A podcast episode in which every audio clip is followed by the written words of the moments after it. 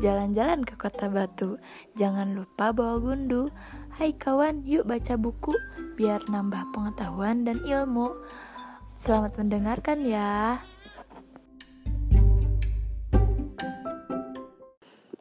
Bismillahirrahmanirrahim. Kita mulai kembali pembacaan sir buku Sirah Nabi karya Syekh Sofiur Rahman Al-Mubarakfuri yang berjudul Ar-Rahiqul Makhtum.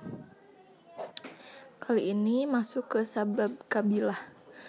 Rasulullah Shallallahu Alaihi Wasallam berasal dari kabilah Quraisy yang dikenal sebagai kabilah mulia, berkedudukan tinggi, bernasab terhormat, dan memiliki tempat tinggal yang sakral dibandingkan dengan bangsa Arab lainnya.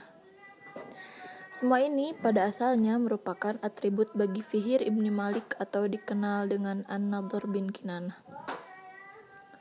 Kaum laki-laki dari kabilah Rasulullah SAW sebagian besar merupakan para pembesar dan petinggi pada zaman mereka.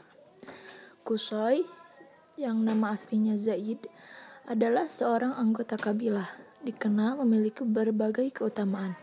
Di antaranya, menjadi orang pertama dari kabilah Quraisy yang menangani urusan Ka'bah sebagai penjaga pintu atau hijabah dan pelayan Ka'bah atau sidana. Dengan kata lain, di tangannya lah kunci masuk Ka'bah. Dia yang akan membukakan pintu kepada siapa saja yang dikehendakinya dan kapan saja dia mau. Kusai juga memberi tempat tinggal kepada kabilah Quraisy di sebuah kawasan di Makkah. Padahal sebelumnya kabilah Quraisy tinggal di kawasan pinggiran kota Makkah dan hidup terpisah dari kabilah-kabilah lainnya.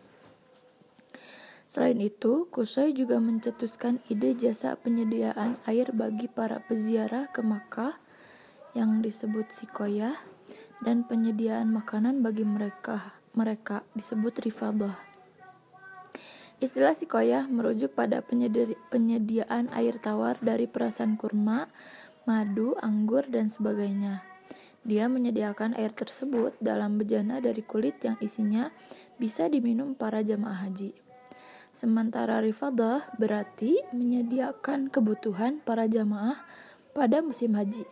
Tak hanya itu, Kusai juga membangun sebuah rumah di kawasan utara Ka'bah.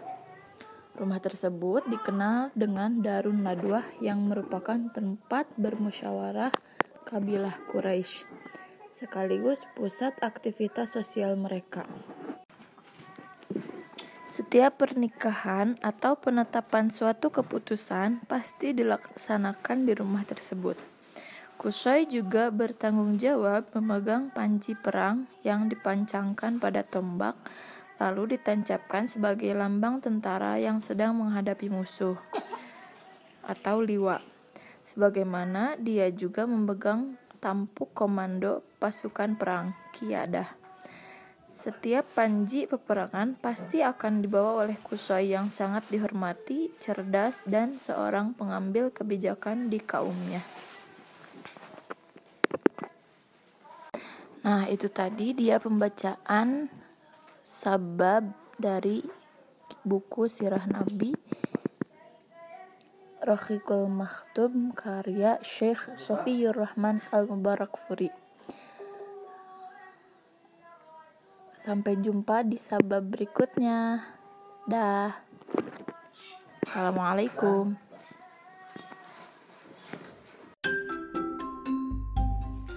Jalan-jalan ke kota batu, jangan lupa bawa gundu.